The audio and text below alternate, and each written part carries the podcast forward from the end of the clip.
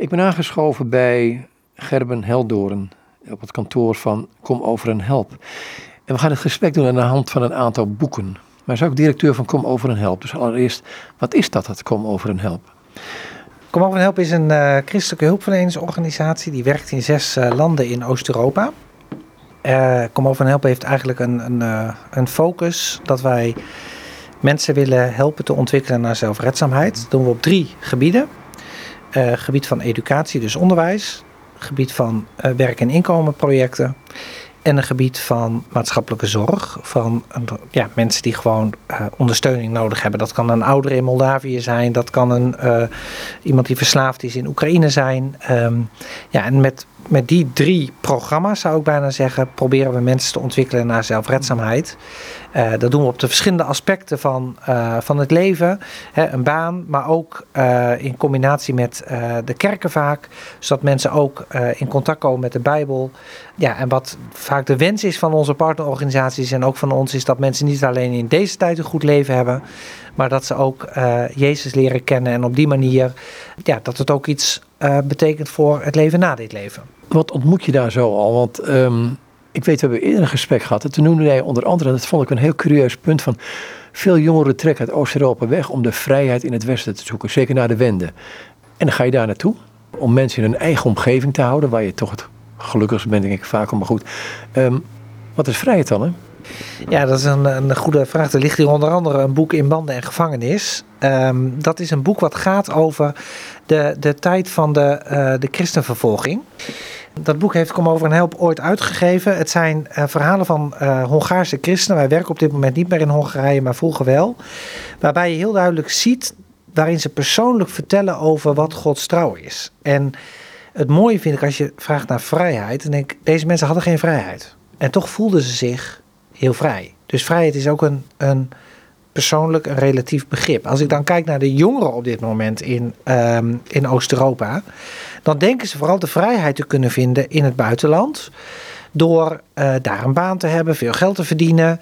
Uh, soms zelf, als het jonge gezinnen zijn, hun kinderen en hun vrouw achter te laten en zelf naar het buitenland te vertrekken, omdat ze voor de verantwoordelijkheid voelen voor hun gezin. Maar als je dan merkt dat ze, als ze een baan in hun eigen land kunnen krijgen, waarbij ze daar kunnen blijven wonen, met zich verantwoordelijk weten voor hun gezin, voor de kerk waar ze bij horen, dan krijgt vrijheid ineens weer een hele andere lading. Maar vaak hebben mensen nodig om vanuit andere perspectieven naar vrijheid te kijken.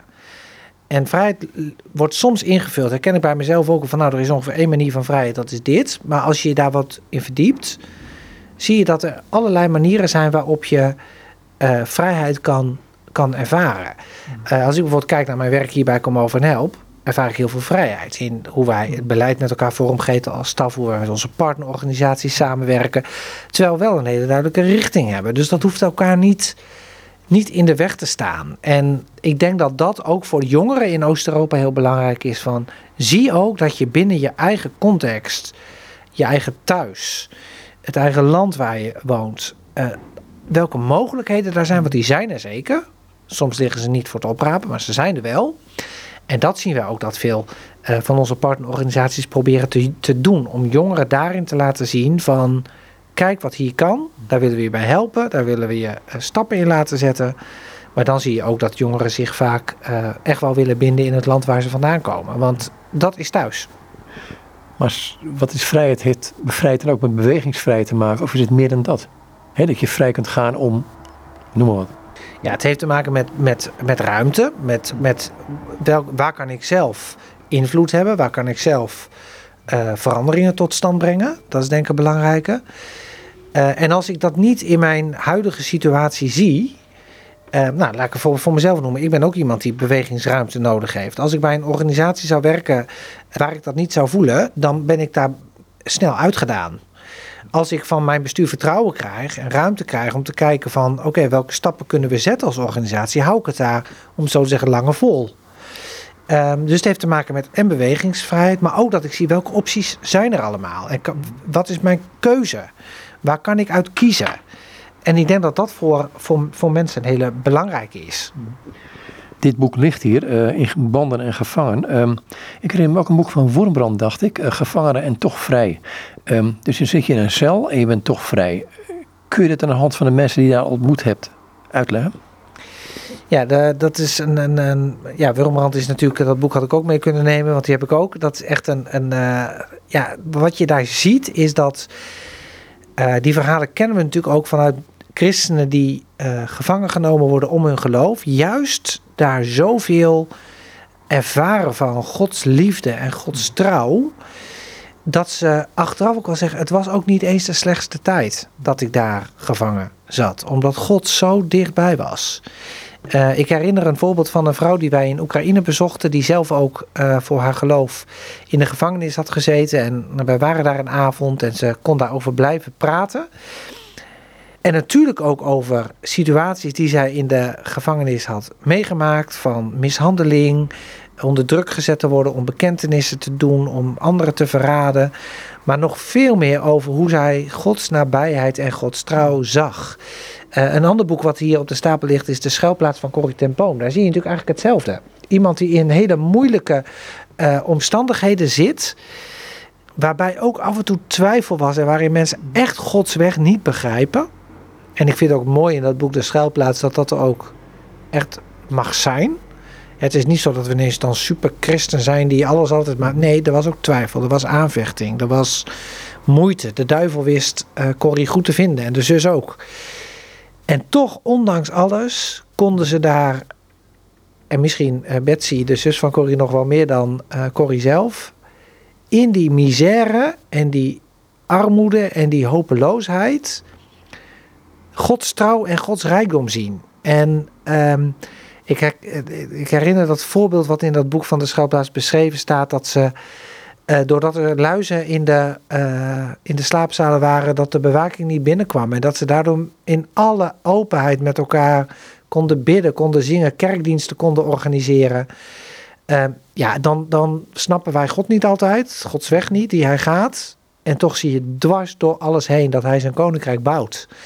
En uh, nou, dan is zo'n boek voor mij ook echt een spiegel van, ja, zie ik in mijn omgeving mogelijkheden om uh, mensen in contact te brengen met de boodschap van de Bijbel? Zie ik in mijn omgeving mogelijkheden om getuige te zijn? En vaak in natuurlijk veel makkelijkere omstandigheden als waar uh, Corrie en Betsy in zaten beschreven in de schuilplaats. Maar goed, zij verliest haar vader, ze verliest haar zus. Uh, ze komt er door, door een administratieve fout komt ze het, het kamp uit. Um, dan komt ze jaren daarna komt ze die capo tegen. En die vroeg om vergeving aan haar. En dat wilde ze eigenlijk, dat kon ze niet. Dat kon ze niet. Dus er zit dan heel veel woede nog en, en, en toch gebeurde er iets. Ja, ik denk dat dat uiteindelijk toch is wat genade doet. En dat bedoel ik niet makkelijk, alsof genade alles oplost.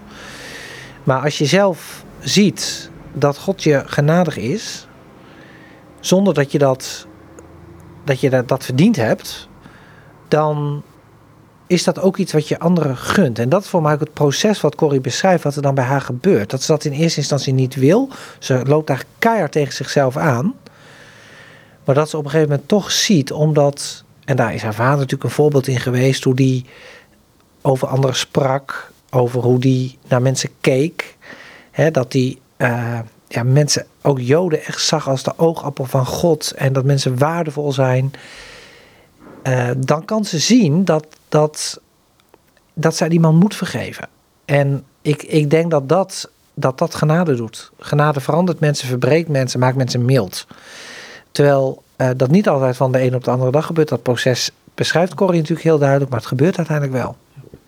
Ik ga naar een ander boek toe, um, waar ik de titel niet van begrijp. Slavenboch. Oh, wacht, er staat iets Nederlands onder. Persoonlijke ervaring in Oost, weer Oost-Europa. Uh, Dick van de Noord. Ja, nee, het, het, kan ook niet anders met jou natuurlijk. Ja, er liggen er nog meer. Maar dit is uh, een boekje wat... Uh, ik ben op een gegeven moment voorzitter van Over Help geworden. En dit heeft mijn voorganger, Dick van der Noord, was voorzitter van Over Help, heeft dit boek beschreven. Het beschrijft persoonlijke ervaringen in Oost-Europa in die periode 79 tot 2007. Uh, dat is eigenlijk echt de periode dat Kom Over en Help een volop vrijwilligersorganisatie was. En dat we eigenlijk in de omslag zaten van, moet dat niet een meer uh, professionele organisatie worden, omdat hulpverlening ook steeds meer ging vragen. Vanuit een 100% vrijwilligersbestuur naar een uh, professionele staf op kantoor. En daardoorheen spelen heel erg persoonlijke ervaringen die Dick hier beschrijft. En slaven naar bok betekent geloofd zij God. Ehm, waarin hij echt beschrijft hoe, uh, ja, hoe God uh, door de moeilijke omstandigheden in Oost-Europa heen werkt. En um, nou, hij, hij, nogmaals die titel, gelooft zij God, looft de Heer, is daarin voor hem uh, leidend. En daarom heeft hij het boek ook zo genoemd. En persoonlijk herken ik heel veel van de ervaringen die hij in het boekje beschrijft. En daardoor komt dat boekje ook heel dichtbij. Ook door de reis die ik zelf in Oost-Europa heb gedaan. Waarbij je aan de ene kant ziet dat de situatie soms donker is en moeilijk is. Maar ook dat God altijd veel creatiever is dan wij denken. Ik, ik, moet bijvoorbeeld denken, hij beschrijft op een gegeven moment in het boekje. De kerk die heeft zich op een gegeven moment heel op evangelisatie gericht. Hè? Dat ze de grenzen gingen open en de kerken zagen volop ruimte om overal te evangeliseren. Dat ging op straat, dat ging in de gevangenissen, dat ging bij mensen thuis, dat ging dat ze naar de uh, contact zochten met de regering en dat ze de, de burgemeester bijbels. Nou, dat was natuurlijk onvoorstelbaar dat dat kon. Dat je zo met een, een, karretje vol bijbels een regeringsgebouw binnen kon, kon lopen. En ik ben erbij geweest toen ik de eerste keer, ik zal het nooit vergeten, in Oost-Europa kwam. Dat we daar met een bus Nederlanders aankwamen en dat midden op de weg de predikant het verkeer tegenhield. En dat we daar op straat God dankten, omdat we veilig aangekomen waren. En dat ja, een paar jaar terug zou die daarvoor opgepakt worden. En nu kon hij dat in vrijheid doen en de auto's wachten ook gewoon. Motors gingen uit, mensen stapten de auto uit, die hoorden dat daar gebeurde en hij nam alle mogelijkheden om mensen in contact te brengen met het evangelie. Nou, daarom vind ik dit boekje altijd mooi van door alle moeilijkheden heen zijn er mogelijkheden om mensen te vertellen over hoe groot God is. En ja, dat kan alleen doordat we daar God ook voor danken en Hem loven. En ja, daar is dit boek voor mij een, uh, een voorbeeld van. Ja, de titel betekent het ook. Hè? Slaven en bo bos, zoals zijn we zeggen, bok, uh, loof de heren. Kun een klein stukje het voorlezen. Gewoon een willekeurig stukje pakken en eens kijken wat, om de smaak te pakken te kunnen krijgen. Zeker. De nieuwe gemeente verstonden hun roeping en gingen ijverig op evangelisatiepad. Ze evangeliseerden ook in gevangenissen. Die bijeenkomsten waren voor mij het meest indrukwekkend. Een gevangenis in Oost-Europa ziet er nog grauwer uit dan de grauwste huizen en flatblokken die je in het voormalig Oost-Europa veelvuldig ziet. Ze lijkt op een onneembare vesting. Prikkeldaad dat onder stroom staat loopt over de muren. Dan ligt er een strook grond tussen de ene en de andere muur. In die omgeploegde aarde liggen landmijnen. Als ze daar dan toch over en doorheen gekomen zijn, wacht nog de buitenmuur, voorzien van stroomdraad. Kortom, een onneembare vesting. Aan de binnenkant van de muren slaapzalen en cellen, de latrines en wat door moet gaan voor douches. De gevangenen leiden een troosteloos bestaan op geen enkele manier laat dit gebouw zich vergelijken met een Nederlandse gevangenis. Twee diensten zijn mij in het bijzonder bijgebleven, allebei in de mannengevangenis van de Moldavische hoofdstad Kishinev. De eerste dienst was in de kerkzaal die de zendingsgemeente mocht inrichten. Een dertigtal bezoekers zijn er die morgen. Op de gang staan er nog eens tientallen te luisteren. Het getuigenis is zo indrukwekkend dat ik niet met droge ogen het kan aanhoren. Hij moet nog veertien jaar zitten voor een moord die hij gepleegd heeft. Maar de Heer heeft zijn hart in beslag genomen onder een toespraak van evangelist Danila. Hij is tot berouw, boete en bekering gekomen en heeft de Heer beloofd dat hij de resterende 14 jaar gevangenis, evangelist in deze gevangenis zal zijn. Dat is ook gebeurd. Zeker. Vaak zag je dat gevangenen die in contact kwamen, daarom zag de kerk dat ook als een belangrijke mogelijkheid om in gevangenissen te evangeliseren, waarbij mensen tot geloof kwamen die vervolgens, terwijl de overheid dacht moet stoppen, evangeliseren, dat het in de gevangenissen gewoon doorging. Dat zag je ook in dat boek Banden en Gevangenis. Mhm. Ze konden evangeliseren, terwijl de overheid dacht, we moeten ze stoppen. Maar Gods werk ging door. En dan werden ze in China, weet ik wel, uit een ander boek, ehm, in solitaire confinement, hoe meer het, uh, eenzame opsluiting gezet. En dan zei een evangelist, een Chinese evangelist, na verloop van tijd, hebben jullie nou ook zo'n cel met Jezus alleen? Ja, en dat zijn die getuigenissen die, die zo indrukwekkend zijn. Dat mensen voelden, ja, we zitten alleen. En toch, God was zo ontzettend dichtbij. En, maar, hij, maar hij zei ook naar ons toe van, jongens, heb je wel eens een plek waar je alleen met Jezus kunt zijn? Ja, dat is denk ik het, het hele, de, plek van gebed, plek van stille tijd. Ik denk dat dat voor, voor christenen heel belangrijk is dat we die, uh, dat we die hebben. Ehm, en dat is ook de reden waarom ik het, het boekje een, een, levensregel voor beginners op de stapel heb gelegd. Waar het gaat over Benedictijnse spiritualiteit in het dagelijks leven. Dat is ook iets wat, wat je volgens mij heel bewust moet doen. Waarbij je discipline moet kennen. Wat ik ook zelf probeer te doen. Door heel uh, gedisciplineerd ehm, te kijken van hoe, hoe richt ik mijn gebedsleven in. Uh, de dag daarmee beginnen, de dag mee afsluiten. Dat lijken hele gewone dingen, maar het stempelt je, het stempelt je leven. En wat ik het mooie vind aan, aan het boekje van uh, Wil Derksen, die daarover geschreven heeft, over die Benedictijnse spiritualiteit in het dagelijks leven, dat hij um, ja, door de uh, persoon van de abt en de persoon van de kellenaar te beschrijven, dat hij eigenlijk zegt van als je dat soort rollen in je leven uh, bewust aandacht geeft en dat gedisciplineerd doet, rust daar ook Gods zegen op. Kijk, de tekst in de Bijbel in Matthäus 6 van zoek eerst het koninkrijk van God. Dat eerst is denk ik ook belangrijk om dat eerst te doen. Aan het begin van de dag, als je jong bent, uh, altijd dat eerst te doen. En dit boekje geeft daar handvatten in, uh, die mij persoonlijk ook echt hebben uh, ja, verrijkt in een stuk, ja, je zou bijna zeggen tijdsmanagement. Hoe richt je je dag in? Door gedisciplineerd te leven. Want dan kun je ook heel veel, dan kun je ook heel veel doen in een dag. Door gewoon discipline te hebben. Hè? Zoals uh, kerkvaders wel eerder zeiden, als je druk hebt, dan moet je niet zeggen ik heb geen tijd om te bidden. Maar dan, uh, je kan het nooit zo druk hebben, want er is altijd tijd. En anders heb je het echt te druk. Maar dan sta je erop om te bidden. Dat is een, een heel belangrijk uh, aspect van, van de dag. En wat in dit boekje heel mooi beschreven wordt, is van hoe ziet die levensregel er dan uit? En hoe breng je dat in de praktijk van je leven tot uiting? Lees maar een stukje. Als jongen leerde ik dat er drie kloostergeloften bestonden: gehoorzaamheid, armoede en kuisheid. In mijn herinnering werden ze vooral als negatief en begrenzend aan ons voorgehouden. Op drie terreinen moest je voor niet-kloosterlingen belangrijke zaken opgeven wanneer je je gelofte aflegde. Niet meer doen wat je zelf wilt, het opgeven van vrijheid, we hadden het er net over. Niet meer kunnen beschikken over de dingen die het leven aangenaam maken, het opgeven van je bezit. En niet meer vrijen, het opgeven van lichamelijke intimiteit van anderen. Deze laatste gelofte zou wel eens de lastigste kunnen zijn, zo werd ons meer impliciet dan expliciet te verstaan gegeven. Religieus worden was dus een zaak van dingen opgeven. En hoe moeilijker dat opgeven, hoe waardevoller. Het was een zaak van beknotting, van je natuurlijke verlangens. Tenminste, dat dachten we. Je maakte je leven in meerdere opzichten enger. Je moest op sommige religieuze plaatjes dan ook door een enge poort naar het heil. Terwijl daar naar het onheil lekker ruim was en armer. Je sloot je op achter hoge muren. Het enige dat ontbrak om op een gevangenis te lijken waren prikkeldraad en wachttorens. Nou, dat beeld wordt later natuurlijk in het boekje helemaal uh, andersom gezet. Dat het juist ruimte biedt. Dat als je met God leeft, als je gedisciplineerd leeft, als je uh, de dingen in de praktijk brengt die uh, in de kloosterorde belangrijk waren, dat het uiteindelijk allemaal gericht is op hoe kun je God ontmoeten in je leven. Hè? Een ander voorbeeld hier is dan bijvoorbeeld gastvrijheid. Het principe dat iedere gast de Heer kan zijn. Nou, als je zo naar mensen kijkt die je in je leven ontmoet, dan, uh, dan kijk je heel ruim naar mensen. Hè? Hier staat een stukje een speciale vorm van gehoorzaamheid. Als een aan elkaar gehoor gegeven is de gastvrijheid. De regel stelt in het begin over het ontvangen van gasten. Alle gasten die aankomen moeten ontvangen worden als Christus zelf. Want eens zal hij zeggen: Ik kwam als gast en gij hebt mij ontvangen.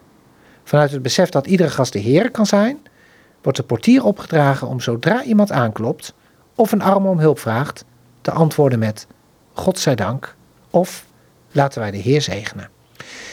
Nou, dat boek gaat zo volop door en ik denk als je even in dit voorbeeld zo naar mensen kijkt, dan, dan verandert het leven, dan verandert de samenleving.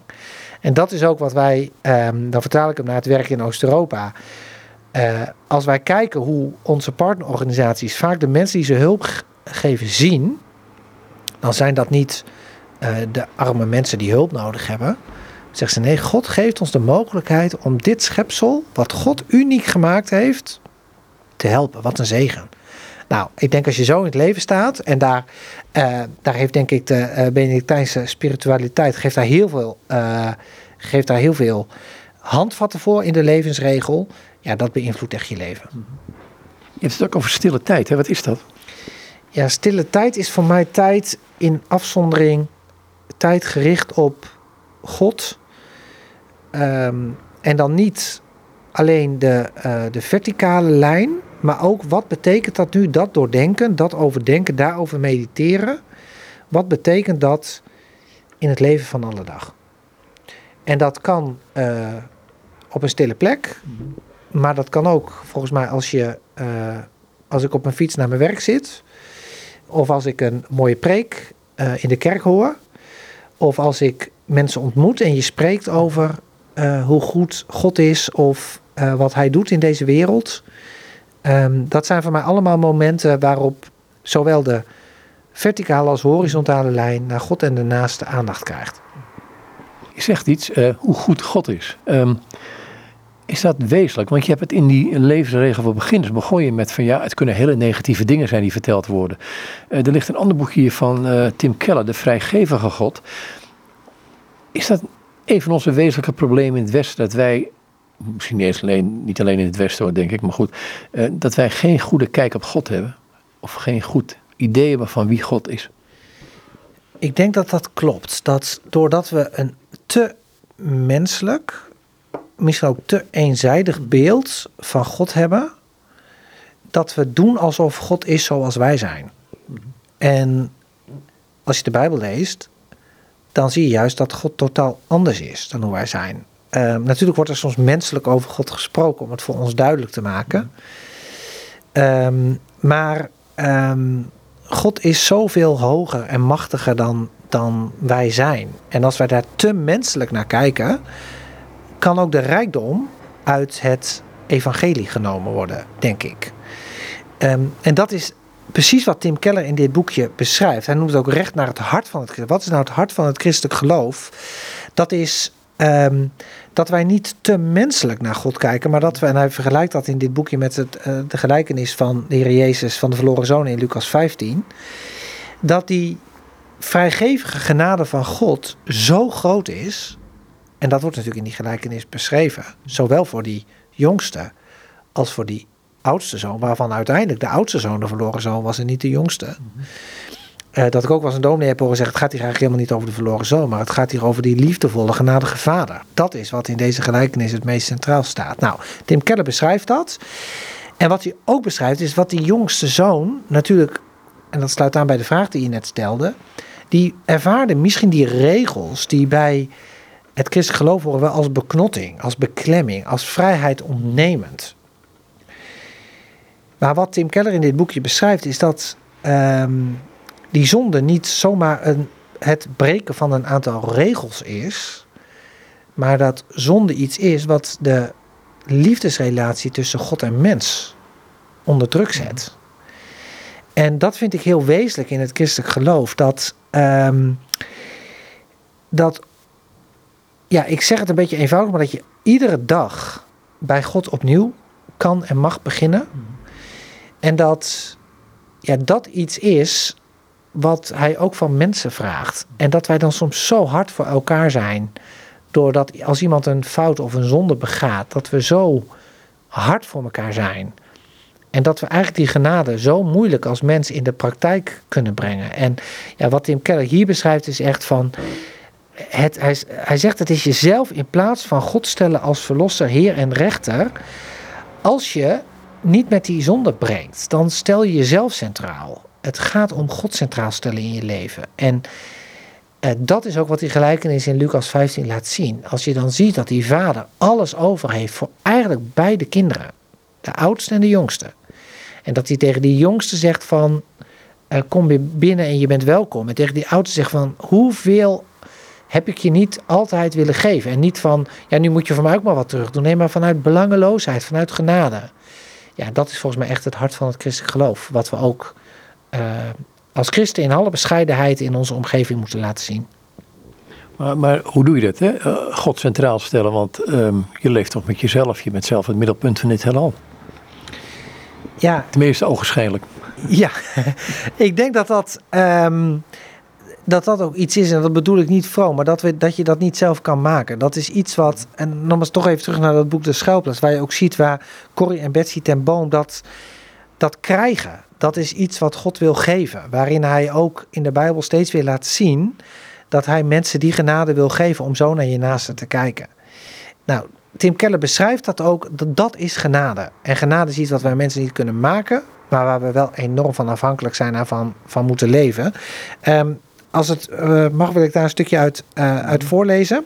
Want dan zegt hij, um, en dat is bijna aan het eind van het boekje, dat dat feestmaal wat, uh, wat in de Bijbel vaak genoemd wordt, mm. wat God aanricht, um, dat dat iets is waar waar Christus pas echt centraal zal staan. Hij zegt: Het antwoord is dat Jezus feestvreugde kwam brengen. Hij is de echte ware ceremoniemeester, de leider van het feest. Zoals we zagen betaalde Jezus de boete voor onze zonde in onze plaats. Christelijke theologen spreken daarom wel van het gerechtelijk aspect van Jezus' reddingswerk. Jezus verwerft voor ons de vrijspraak, zodat ons wangedrag niet langer voor onze rekening is. Redding is niet alleen objectief, maar ook subjectief. De Bijbel spreekt over redding in nadrukkelijke zintuigelijke termen. We willen, hij wil dat we dat proeven en zien, dat God goed is en dat niet alleen maar beamen of geloven. Nou, dan noemt hij op een gegeven moment een uitspraak van uh, uh, Jonathan Edwards, die zegt er is een verschil tussen geloven dat God heilig en genadig is en met het hart een nieuwe gewaarwording hebben van de liefelijkheid en schoonheid van dat heilige en genadige. Geloven dat God genadig is en proeven dat God genadig is, is het verschil daartussen is zo groot als tussen een rationele overtuiging dat honing zoet is en de daadwerkelijke ervaring van die zoetheid. Dus zeggen dat God goed is, is belangrijk, maar dat ervaren, dat is eigenlijk een, een, een dubbel aspect van het, van het geloof. En ik denk dat dat belangrijk is. Het gaat niet alleen om beleiden dat God vader is of dat hij Heer is, maar dat ook persoonlijk ervaren, dat je dat dan ook kan doorgeven aan mensen om je heen. Zit je nou met een klein probleempje, denk ik. Um, geloven kan ik doen. Ik kan zeggen, God is goed. Maar Gods goedheid ervaren. Uh, ja, nou jij weer. Ja. ja, dat heeft denk ik te maken met het punt waar we het net over hadden. Dat is niet iets dat wij kunnen maken. Het heeft wel te maken met.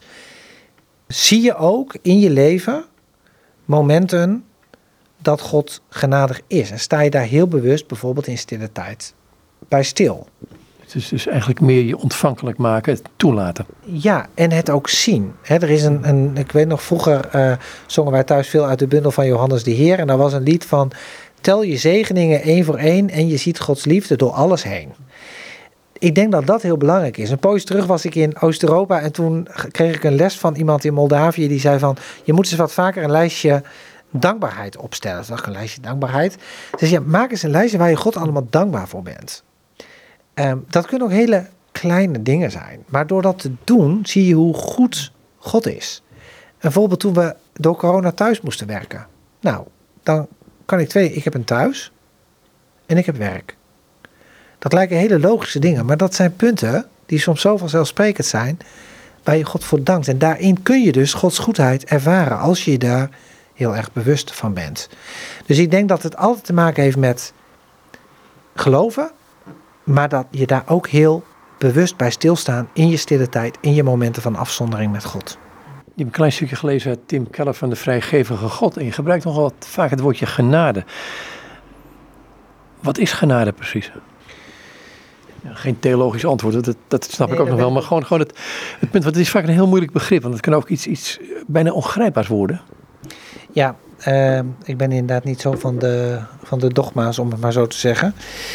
Ik moet bij genade altijd denken aan uh, het stoeien vroeger op de lagere school, op het plein. Uh, als je een beetje aan het stoeien was en je lag onderop en je moest eerst genade zeggen en dan ging die van je af. Uh, dus het heeft toch iets te maken met, uh, hij had ook kunnen blijven zitten. Met andere woorden, het is echt wat je niet verdiend hebt. Dat krijg je wel. En ik denk als je zo, als ik, laat ik het voor mezelf spreken, als ik zo naar mijn leven kijk, dan heb ik heel veel genade ontvangen. Mm -hmm genade in de goedheid die God gegeven heeft. Um, een christelijk gezin. Dat ik een, uh, zelf een gezin mag hebben waar we onze kinderen uh, en inmiddels kleinkinderen christelijk willen uh, proberen op te voeden.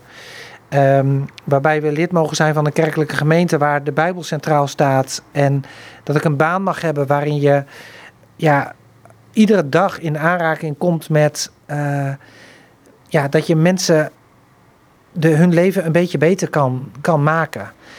En ik, ik denk dat dat genade is. Dat, en als ik dan kijk hoe dat, uh, en dat is dat voor ook wat Tim Keller beschrijft in de vrijgevige God, hoe ontzettend goed en genadig uh, God is, dan kan het niet anders. Dan heeft dat consequenties in het leven van alle dag. En daarom zei ik al, ik, genade wil ik niet heel theologisch laden, maar veel meer je deelt van de overvloed wat je ontvangen hebt. En dat kan in goederen zijn, omdat we dat in Nederland nou eenmaal veel hebben.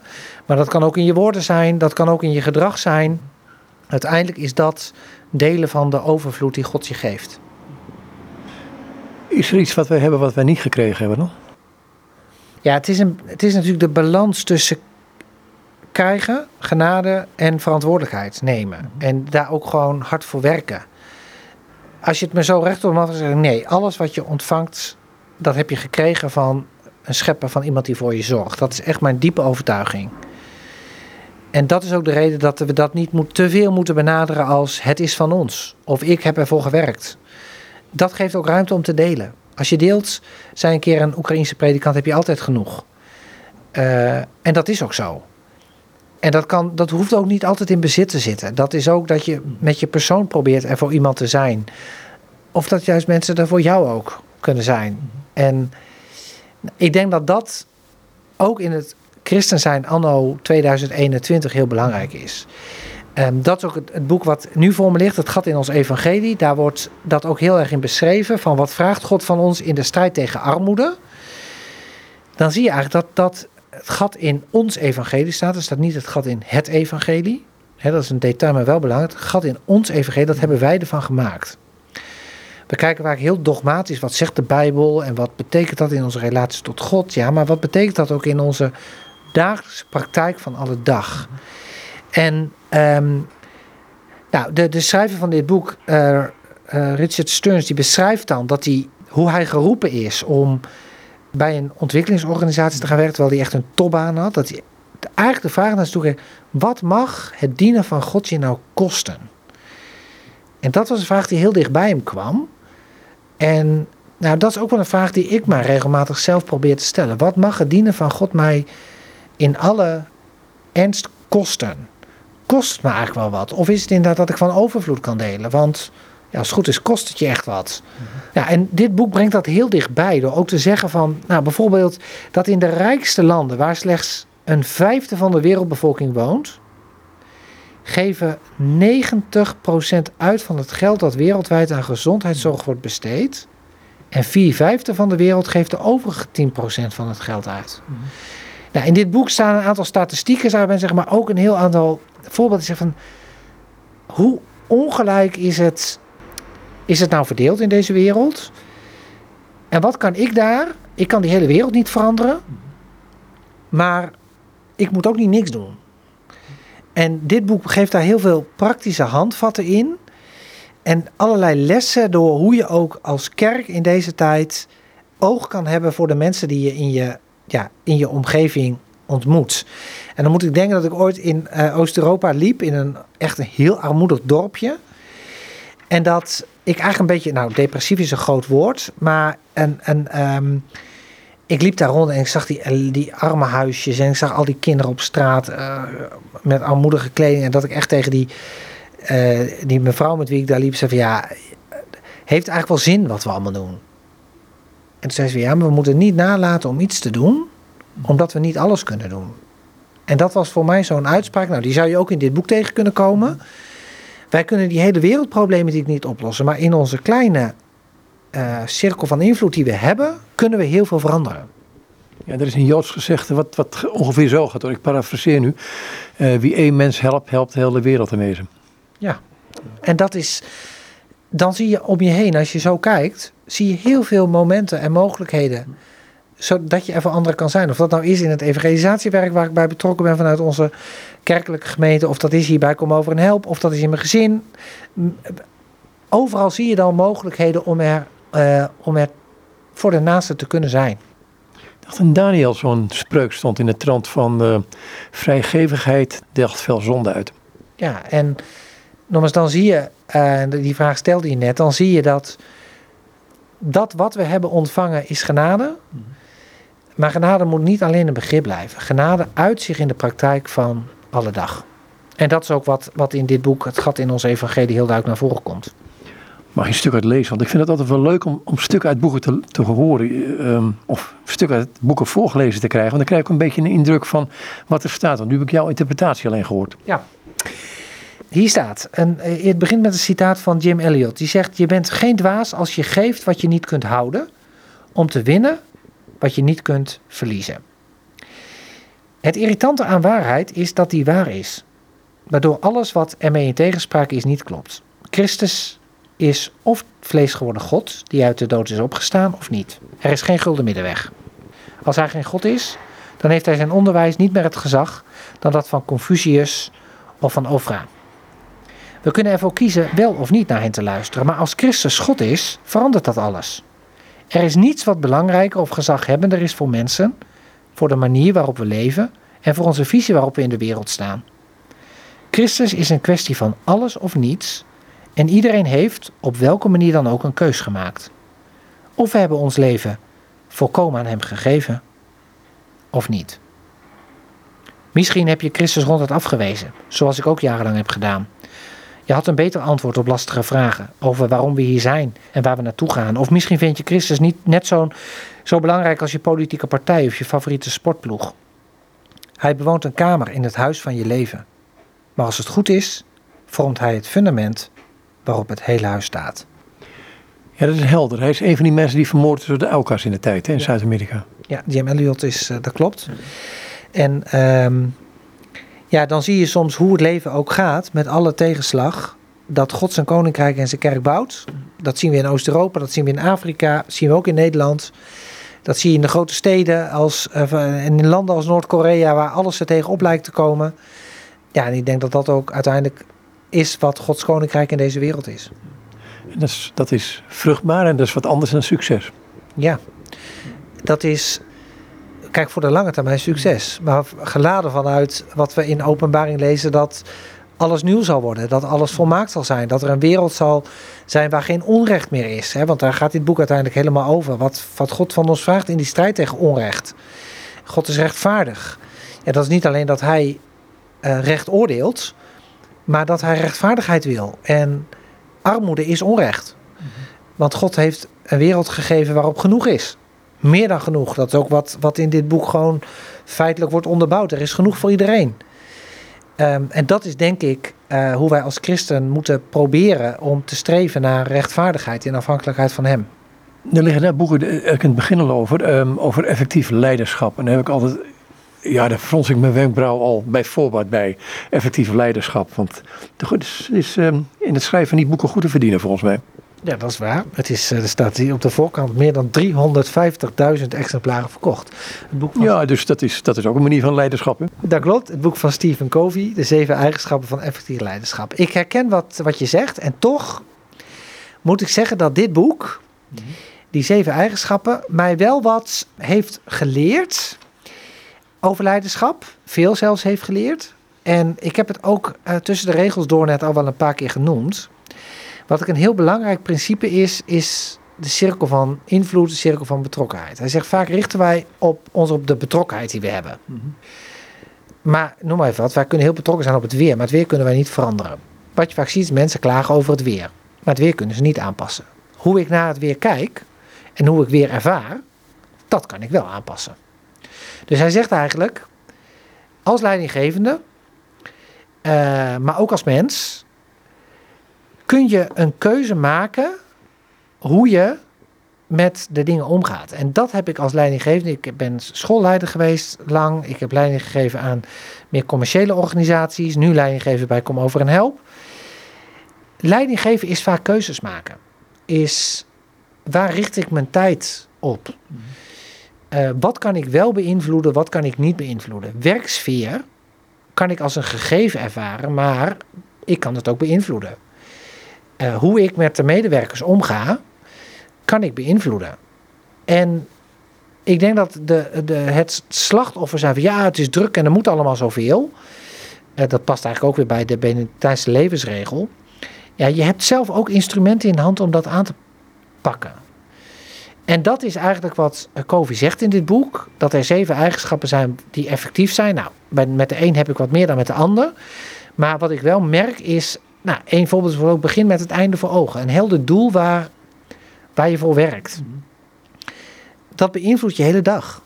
Want ja, natuurlijk heb je hier ook hectiek en komen er soms dingen tussendoor die ik niet gepland heb. Maar dan steeds weer terug van jongens, past dit bij onze visie? Past dit bij onze missie? Als we dit doen, helpt het om onze doelstellingen te realiseren? In afhankelijkheid van, ja, dat, dat helpt mij wel om keuzes te maken in, uh, in, het, in het leven bijvoorbeeld. Of dat je ook zegt, nee, belangrijke zaken eerst. Wat is nu echt belangrijk en wat is urgent? Vaak nemen we heel veel tijd voor urgente dingen. Maar belangrijk is, zo'n gesprek als dit, om met elkaar eens even wat de diepte in te gaan, neem, vind, neem ik ook vaak te weinig tijd voor. Terwijl het heel belangrijk is, ook met medewerkers. Dus zodoende biedt zo'n zo'n boek, wat misschien allemaal wat maakbaar lijkt, uh, mij wel heel veel handvatten in mijn manier van leiding geven. Is het dan ook niet zo? Ik, ik, ik gooi er wel wat tegenin van dat heel veel dingen die gebeuren. Hè, ik, heb het wel eens gehad in zijn TED toch over eh, een aantal van die succesvolle marketing tools. Dat gebeurde bij toeval wil ik bijna zeggen. En dan gaat iedereen het imiteren. Dat, is, dat is vaak te volgen. Um, is het ook zo niet met leiderschap? Hè? Net, net het prachtige voorbeeld van het weer, dat kunnen wij niet beïnvloeden. Maar je kunt door het klimaat te noemen het wel een verdienmodel te maken. Ja, en dat, dat, dat, zal allicht gebeuren. Dat, zo kun je nou, ik zie het omheen niet anders gebeuren, maar goed. Zo kun je ook naar leiderschap kijken. Tegelijk denk ik, uh, en dat is altijd voor mij een soort drieslag die ik, als ik het over leiding geven heb, hanteer. Leiderschap en eigenlijk ook persoonlijk leiderschap heeft alles te maken met met kennis. En mhm. daar is een boek over lezen of uh, nou, een college over, een TED-talk over volgen, heeft te maken met kennis.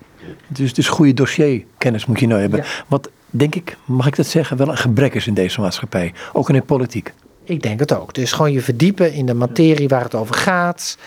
Weten waar je het over hebt. Nou, dat zou ik kennis willen noemen. Het tweede is, je moet ook een soort bijna ambachtelijke vaardigheden hebben. Even bijvoorbeeld als leidinggevende, als je niet kan communiceren, moet je wat anders gaan doen. Want dat, je vak is voor een heel groot deel communiceren met je medewerkers, met alle stakeholders die rond je organisatie in dit geval komen over en help actief zijn. Dus die ambachtelijke vaardigheden moet je, moet je hebben, moet je kunnen. Kun je allemaal leren, hè?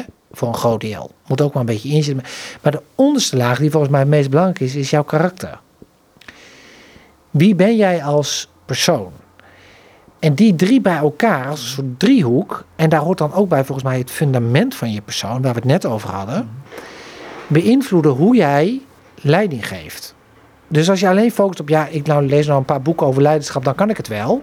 Nee, je doet het met je persoon. En dan kan ik maniertjes leren, ja, vaardigheden, om een goede leidinggever te zijn. Maar uiteindelijk komt het te veel op. Ik doe dat met mijn persoon. Ik geef leiding door wie ik als persoon in deze organisatie ben.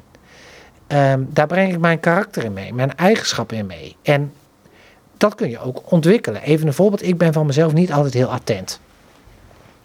Als ik dat soms tegen mensen zeg, zeggen ze, niet attent, je vergeet nooit een verjaardag. Of je deelt echt wel eens een compliment uit. Maar ik weet van mezelf dat ik dat heel bewust moet doen.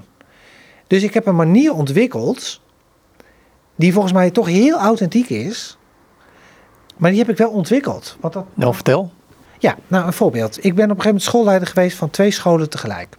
Hele verschillende scholen, hele verschillende teams. Ik reed soms tussen de middag van de een naar de andere school. Ik moest daar soms heel ander leiderschap laten zien. En toch heb ik, vond ik altijd, en dat heb ik ook gedaan, dat ik s'avonds mezelf recht in de spiegel moest kunnen aankijken dat ik authentiek ben gebleven en geweest. Dus situaties vragen soms ander type leiderschap die uh, van een leider flexibiliteit vragen, maar ook authenticiteit. Ik moet dus geen maniertjes gaan aanleren bij mezelf. En dat is wat het risico kan zijn van leiderschapsboeken, dat ik een maniertje ga doen die niet bij mij past. Ja, die komt ook niet authentiek over.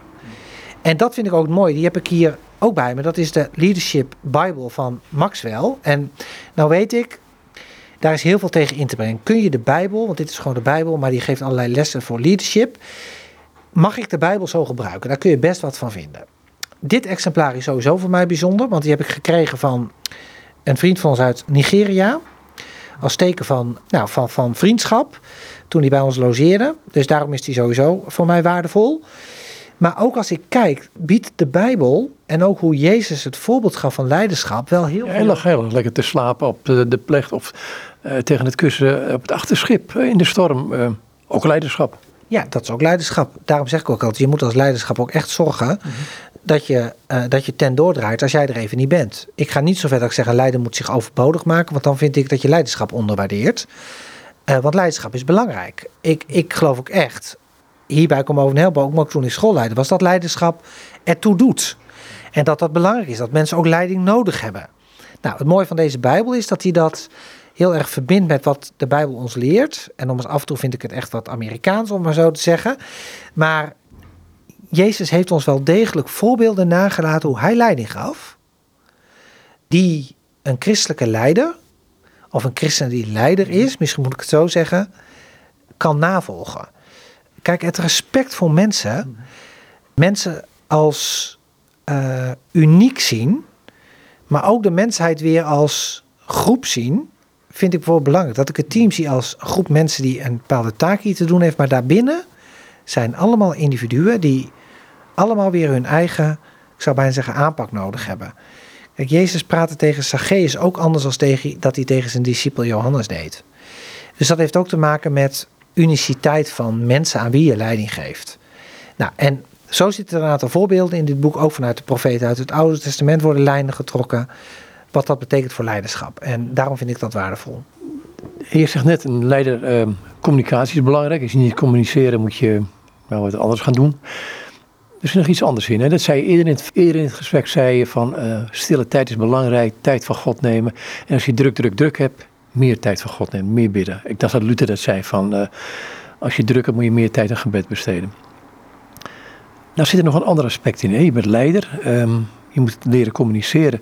Maar communiceren betekent dat je, dat je dus veel met mensen op de werkvloer omgaat, maar ook tijd neemt om te luisteren.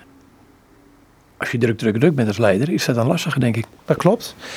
Ook daarin zou ik terug kunnen verwijzen naar het boekje van eh, Benedictus, die dat ook zegt. Dat uiteindelijk. Ja, leid... ik, vraag het nu aan jou. Ja, precies, maar dat leidinggeven dus voor het grootste deel luisteren is en afstemmen. En dat proberen wij ook te doen, bijvoorbeeld hoe wij met onze partners omgaan. Wij kunnen hier wel bedenken wat goed is uh, uh, 3000 kilometer verderop. Maar door in gesprek te gaan en te kijken en te vragen en je open te stellen, ontstaan er vaak hele mooie dingen. Kijk, ik kan in een functionerend gesprek met een medewerker zeggen: volgens mij moet jij dit, dit en dat. Maar over het algemeen weten mensen heel goed zelf wat ze nodig hebben. En hoe ze kunnen floreren in hun werk. En hoe ze tot bloeien en ontwikkeling kunnen komen. Daarin moet je als leidinggevende en het voorbeeld geven, maar ook wel de goede vragen stellen. En dus luisteren naar het antwoord wat mensen geeft. En daarin proberen aan te sluiten. Dus ik, ik ben het helemaal met je eens. Dat, en dat is ook wat, uh, hoe Kovi dat dan zegt: van eerst begrijpen, dan begrepen worden. Het gaat erom je echt heel erg te verdiepen in die ander. En op basis daarvan te kijken: oké, en wat vraagt die ander dan van? En misschien vraagt hij wel even helemaal niks. En vraagt hij wel alleen een luisterend oor. Dat is ook genoeg. Dus luisteren hoort bij mij onlosmakelijk bij leiderschap. En dat heb ik wel moeten leren. Ik was op mijn 26e schoolleider. Nou, toen dacht ik van, dat ga ik even doen. Nou, dan kom je er wel achter dat je, ja, je kan best even wat dingen doen. Maar zonder dat jij daar je medewerkers in, in meeneemt mhm. en goed naar hen luistert, uh, begin je echt helemaal niks. Nou, dat is iets wat ik echt geleerd heb. Dat ik een keer een coach hoorde zeggen, als je als leidinggevende niet in de weg loopt, dan doe je het aardig goed. En ik denk dat dat waar is. En als ik kijk dat dan koppel aan hoe Jezus leiding gaf, ook aan zijn groep discipelen bijvoorbeeld, dan denk ik, zijn leven had en een belangrijk einde voor ogen. Hij wist dat zijn leven zou eindigen, dat hij zijn leven zou geven. Daar was alles op gericht. Hij wist heel goed dat hij moest afstemmen op het individu. Eerst begrijpen, dan begrepen worden. Maar hij gaf af en toe wel een les. En de fariseeën kregen een andere les als dat hij dat aan uh, een discipel als Johannes of Petrus gaf. Uh, Petrus moest af en toe even flink geconfronteerd worden met hoe hij in het leven stond. Ja, zulke medewerkers kun je ook hebben. Ik ben er zelf ook een die af en toe dat echt nodig heeft. Dat iemand mij eens even een keer goed de spiegel voorhoudt van wat ben je eigenlijk aan het doen. Dus ik zie daarin dat het leven van Jezus, hoe hij dienend bezig was, voor mij, ja, daar probeer ik echt regelmatig op te reflecteren. Van wat laat ik daarvan zien? Het is iets heel onbegrijpelijks in, hè, wat je nu zegt, maar ook wie Jezus is. Hij zegt, komt alle tot mij. Uh, geef niet verder in de tekst, maar gewoon alle tot mij. En tegelijkertijd proef ik uit jouw woorden, hij loopt je niet in de weg. En toch word je jezelf helemaal. Dus er zit, een, iets onbegrijpelijks in, dat hele christen zijn. Ja, dat klopt. Dat heeft denk ik te maken met nou, toch die twee begrippen van bijna genade en confrontatie met jezelf. Uh, met wie je bent en blijft. Het leven in afhankelijkheid. Maar ook dat je die lessen accepteert. Een mooi voorbeeld, ik noemde Petrus al. Ik herken ook veel van Petrus in, in uh, uh, nou, hoe ik zelf in het leven sta. Dat ik af en toe ook die confrontatie nodig heb. Petrus dacht soms ook heel groot en goed van zichzelf. En dat, daar moet ik zelf ook voor oppassen. Dat ik denk van nou, dat doe ik wel even. Vooral ook als dingen je voor de wind gaan, dan ben je al snel geneigd om te zeggen, nou, dat pakken we even op. Dus die les in afhankelijkheid en af en toe keihard tegen jezelf aanlopen. Volgens mij is dat ook iets wat heel erg bij het christelijk leven wordt. Omdat wat de Bijbel ons leert zo niet bij ons mens zijn past. Het is zo'n, Gods koninkrijk is zo anders dan het koninkrijk van deze wereld. Maar dat moet je wel willen zien. Is dat een beetje het aspect ook van, ehm, ik ga zo lunchen, de koelkast doe ik open, daar staat het eten. En toch moet ik mezelf, nou dwingen vind ik een verkeerd woord, maar toch moet ik bij mezelf te raden gaan van nee, ik wil God hiervoor danken. Is dat ook wat je doet naar, ik wil in afhankelijkheid van God leven, maar dat moet ik mezelf steeds weer toe zetten of een commitment maken, noem het maar. Ja, dat heeft denk ik denk dat het wel te maken heeft met commitment. Daar bewust jezelf van zijn, daar ook acties aan verbinden. Dat bedoel ik niet activistisch, maar wel gedisciplineerd. Mhm. Dat vind ik belangrijk. Dat, dat, dat vind ik ook hoe ik leiding geef. Kijk, een voorbeeld. Ik weet nog toen ik hier kwam dat we op een gegeven moment het hele declaratiesysteem hebben, uh, hebben aangepast. Dat een declaratie onder de 50 euro, die zie ik niet. Want ik vind, ik moet de medewerkers kunnen vertrouwen. Ik moet in vertrouwen kunnen werken. Tegelijk doe ik wel af en toe een steekproef, omdat ik mezelf ken en ook weet dat mensen soms verkeerde keuzes kunnen maken. Maar als ik dat dan betrap bij iemand, dan is het ook wel klaar. Dus dat heeft te maken met oprechtheid, eerlijkheid, radicaliteit.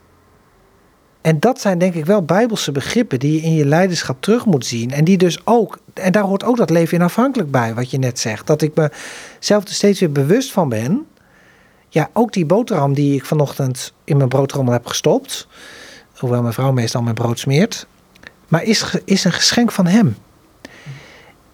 En je bent zo makkelijk geneigd om daar aan voor, voor, voorbij te leven, dat je daar heel bewust van moet zijn. En ik, ik denk dat dat de. Uh, nou, dat heeft mij in ieder geval de coronacrisis wel geleerd. We dachten alles zo goed in handen te hebben en het allemaal wel even te runnen. Maar een, een nou, ze zeiden vroeger dan een wenk van Gods alvermogen, laat dan iets anders zien. Nou, dat hebben we gezien. We hebben het echt niet in de hand, mensen, met elkaar. En dat geeft aan de ene kant rust. God heeft het wel in zijn hand. Het loopt hem niet uit de hand. Hij weet precies wat hij doet. En het geeft ons ook verantwoordelijkheid om in die, in die situatie onze verantwoordelijkheid te nemen. Ik heb het idee dat we nog een uur door kunnen praten hierover. Ja, dat denk ik ook. Want dat zijn ook echt voor mij belangrijke levensthema's. Van afhankelijkheid, verantwoordelijkheid, respect. Dat lijken hele grote en soms ook holle begrippen. Maar voor mij is het belangrijk, breng het in de praktijk. Maar ik wou het hier wel wel laten. Dankjewel. Graag gedaan. En dit zegt Gerben Heldoren. En met hem sprak ik aan de hand van een aantal boeken hiervoor op de tafel. Ik ga ze niet allemaal noemen, ze zijn genoemd, het merendeel daarvan. Hij is directeur bij de stichting Kom Over en Help.